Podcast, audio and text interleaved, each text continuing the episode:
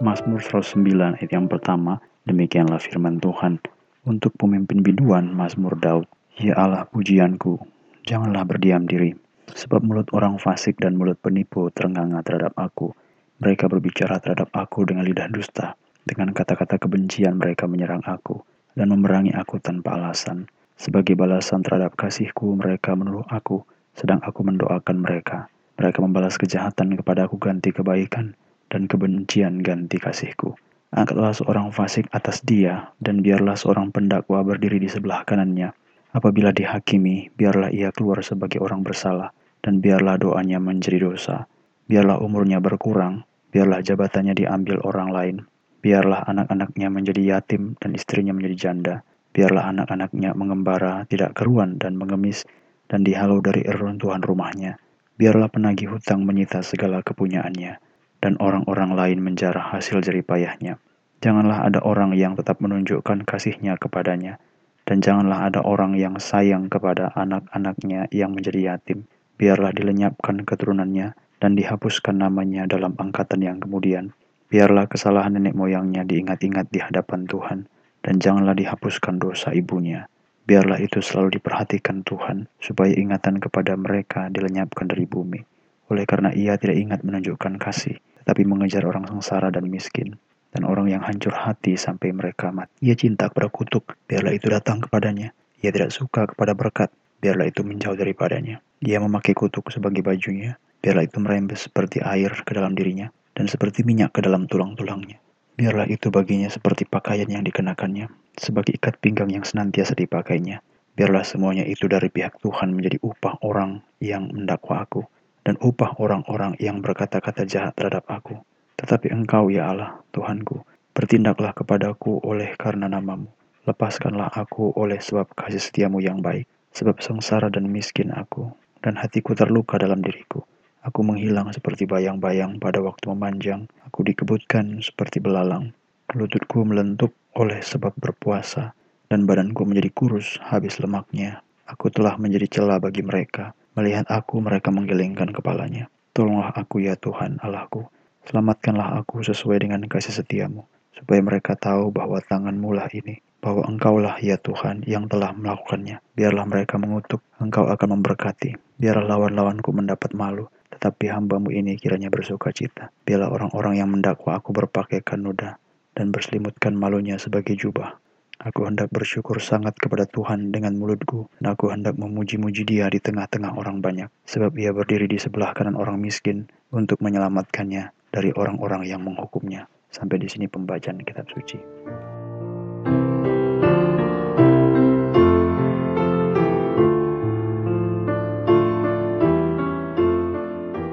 Umat-umat yang Tuhan kasihi, Mazmur 109 ini adalah terkategori sebagai Mazmur kutuk, Mazmur yang dinaikkan kepada Allah dan penuh dengan kata-kata yang begitu keras. Dan pada waktu kita membaca Mazmur ini, maka beberapa penafsir Alkitab mengatakan sebenarnya ini awalnya merupakan doa. Jadi kalau kita baca dalam ayat 1, ini merupakan doa untuk pemimpin biduan Mazmur Daud. Ya Allah pujianku, janganlah berdiam diri jadi satu doa dia minta kepada Tuhan supaya Tuhan bertindak, supaya Tuhan tidak berdiam diri dengan berbagai alasan yang dikemukakan mulai ayat yang kedua. Lalu pada bagian setelah ayat 21 kita juga melihat suatu permohonan doa. Tetapi engkau, ya Allah Tuhanku, bertindaklah oleh karena namamu, dan lepaskanlah aku oleh sebab kasih setiamu. Walaupun tertulis sebagai nyanyian, ini merupakan suatu doa. Tapi dalam doa ini ada begitu banyak kalimat-kalimat yang begitu keras kepada orang yang disebut sebagai orang fasik, menjadi penganiaya bagi orang yang diurapi oleh Tuhan. Pada waktu kita membaca ini disebut sebagai Mazmur Daud, saya tidak akan menerangkan lebih lanjut bagaimana, kapan peristiwa ini terjadi.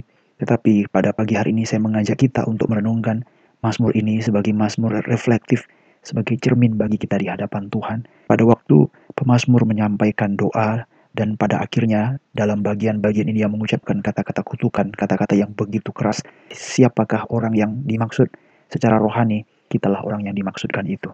Kitalah orang yang penindas itu. Kitalah orang fasik itu. Kitalah orang yang melakukan kejahatan itu. Jadi seolah-olah Daud itu mengadukan kita di hadapan Tuhan. Seolah-olah Daud itu, pemazmur itu berkata berdoa kepada Tuhan dan dia sedang menceritakan kejahatan, kefasikan, kedegilan, dan semua kerusakan-kerusakan yang kita lakukan. Dalam Mazmur ini kita melihat ada perubahan dan beberapa bagian yang terjadi. Yang pertama-tama ini dimulai dengan doa. Nanti itu akan dirangkai lagi dengan cerita yang kenapa orang fasik ini begitu jahat. Nanti dari ayat yang ke-2 sampai ayat yang ke-20, ayat 19 sampai 20. Lalu kembali lagi dia berdoa kepada Tuhan. Lalu kemudian dimunculkan lagi apa yang diungkapkan kepada orang fasik itu dalam ayat yang ke-27 sampai ayat yang ke-30. Jadi sepertinya dia tidak cukup satu kali untuk membicarakan dan mengadu kepada Tuhan tentang kejahatan kita. Dia begitu sangat bersusah hati karena perlakuan kita, karena kejahatan kita yang telah kita alamatkan kepada Daud, kepada orang yang diurapi Tuhan. Ini berarti bukan hal yang dapat kita pandang ringan. Yang kedua yang kita lihat bukan hanya frekuensinya, tapi juga kita lihat subjeknya, saudara-saudara. Maksudnya kita melihat pelaku, pelaku orang fasik itu, kitanya yang dilaporkan itu, dilihat yang bagian awal itu jumlahnya banyak menggunakan kata mereka. Ayat yang kedua, sebab mulut orang fasik dan mulut penipu terenganga terhadap aku. Mereka berbicara terhadap aku. Jadi mereka. Kemudian ayat yang ketiga, dengan kata-kata kebencian, mereka menyerang aku. Ayat yang keempat, sebagai balasan terhadap kasihku, mereka menuduh aku. Ayat yang kelima, masih juga, mereka membalas kejahatan kepadaku ganti kebaikan. Jadi banyak. Tapi waktu masuk dalam ayat yang keenam berubah saudara-saudara bukan lagi banyak tapi sepertinya satu orang. Angkatlah seorang fasik atas dia dan biarlah seorang pendakwa berdiri di sebelah kanannya. Jadi bukan lagi mereka tapi tunggal. Dalam ayat yang ke-27 jadi diulang lagi bukan lagi tunggal tapi banyak lagi supaya mereka tahu bahwa tangan mulah ini bahwa engkaulah ya Tuhan yang telah melakukannya. Jadi supaya mereka lagi banyak. Biarlah mereka mengutuk, mereka banyak. Kemudian dalam ayat yang ke-29, biarlah orang-orang banyak, orang-orang yang mendakwa aku. Maka kita melihat ada perubahan lagi dari orang yang banyak, lalu satu orang tunggal, lalu orang banyak. Seperti saya katakan tadi, kitalah ini, saudara-saudara. Pada waktu kita membaca dengan cara seperti ini, gambaran dari perbuatan kita terhadap orang yang diurapi. Ini adalah gambaran yang mewakili seluruh orang berdosa yang menolak orang yang diurapi. Daud seolah-olah melaporkan kita di hadapan Tuhan. Dia sedang mengadu kepada Tuhan karena perbuatan-perbuatan kita. Jadi sama seperti orang-orang fasik ini, mereka menganiaya, mereka menekan, mereka menyulitkan Daud, orang yang diurapi Tuhan. Demikian juga umat manusia. Demikian juga kita semua adalah orang-orang yang memberontak, yang menolak Allah, yang menolak yang diurapi Yesus Kristus pada waktu kita membaca Mazmur 109, ini adalah ayat yang diungkapkan oleh Petrus yang menceritakan tentang Yudas. Dalam ayat yang ke-8, biarlah umurnya berkurang, biarlah jabatannya diambil orang lain.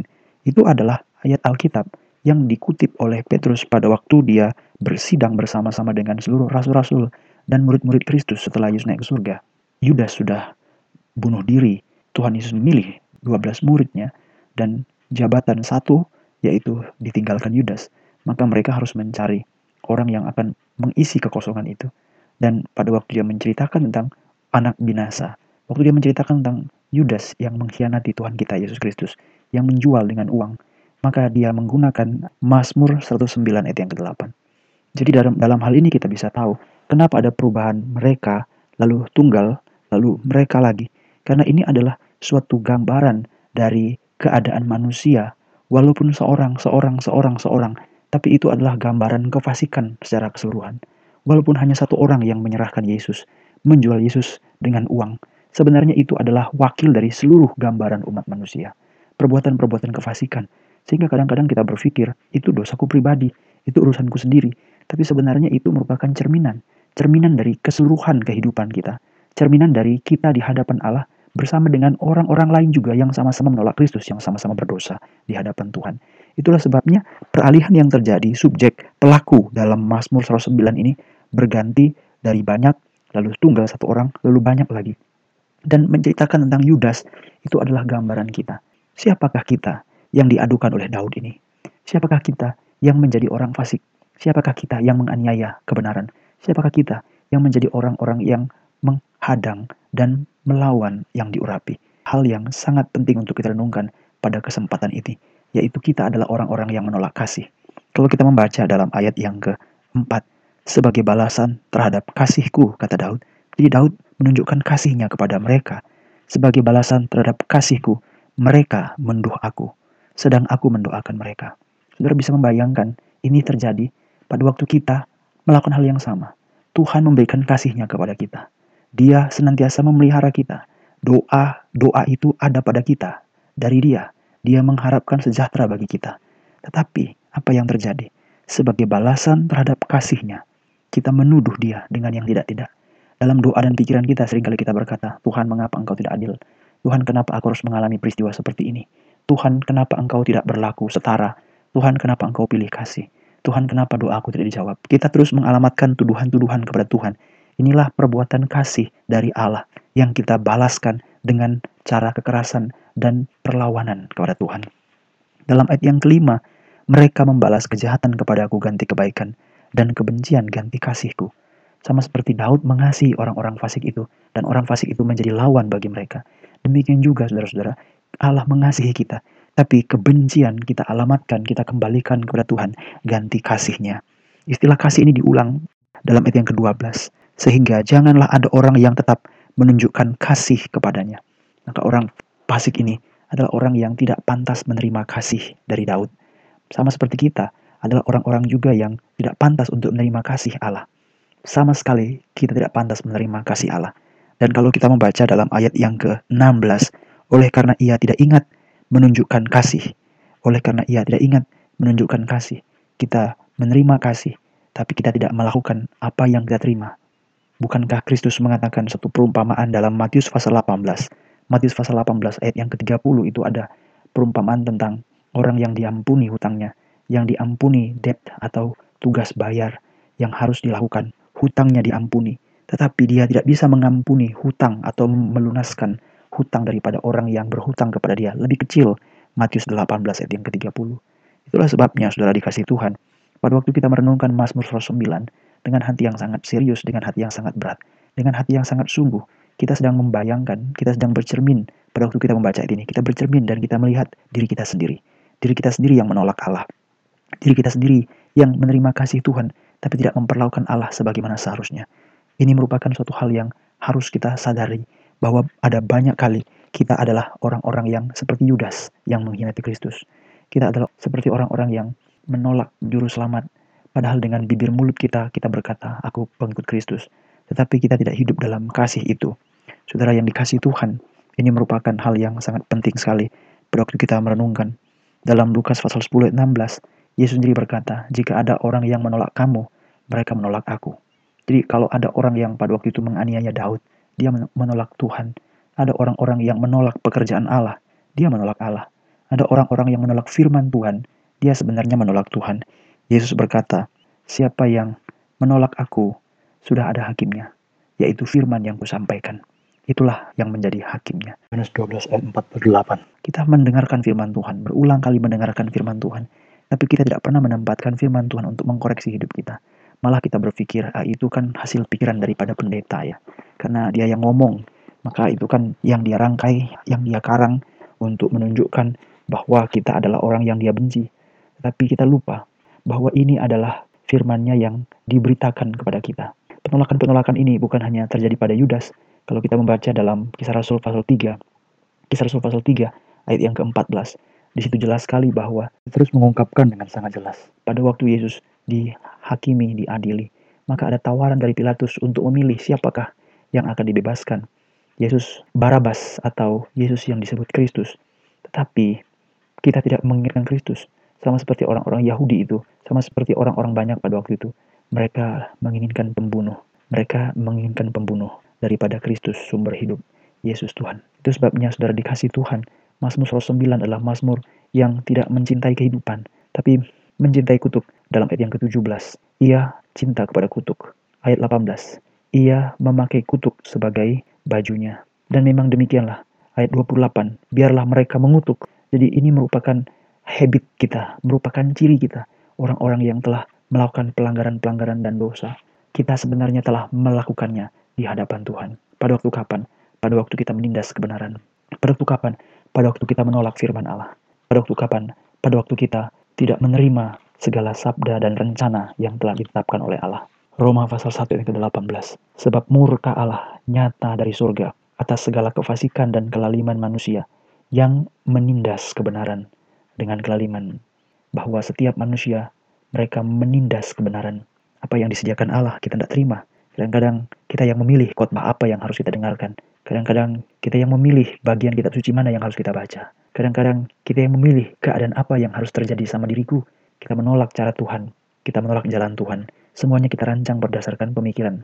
Tidak ada nasihat firman Allah. Kita menjadi orang yang hidup sama seperti orang dunia tanpa memperhatikan segala sesuatu. Biarlah Tuhan menolong kita. Pada waktu kita membaca Mazmur 109, ini adalah membicarakan tentang kita sendiri, saudara-saudara.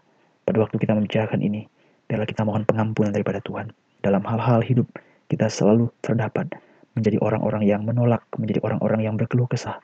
Tapi percaya bahwa Tuhan sudah mati tersalib Tuhan sudah mati ganti kita. Dan biarlah kita ucap syukur dan mau terima firman-Nya dan mau jalankan firman-Nya. Walaupun tidak sesuai dengan logika dan akal manusia, tapi belajar untuk tundukkan diri karena apa yang Tuhan buat itu indah. Setiap orang yang menindas kebenaran akan mendatangkan murka Allah. Tapi sebaliknya, orang yang hidup dalam kebenaran dan orang yang memberitakan kebenaran, mereka akan menyukakan hati Allah. Terpujalah Kristus yang sudah mati di kayu salib bagi kita. Terpujalah Allah yang merencanakan semua keselamatan. Dan biarlah Tuhan dipermuliakan. Mari berdoa.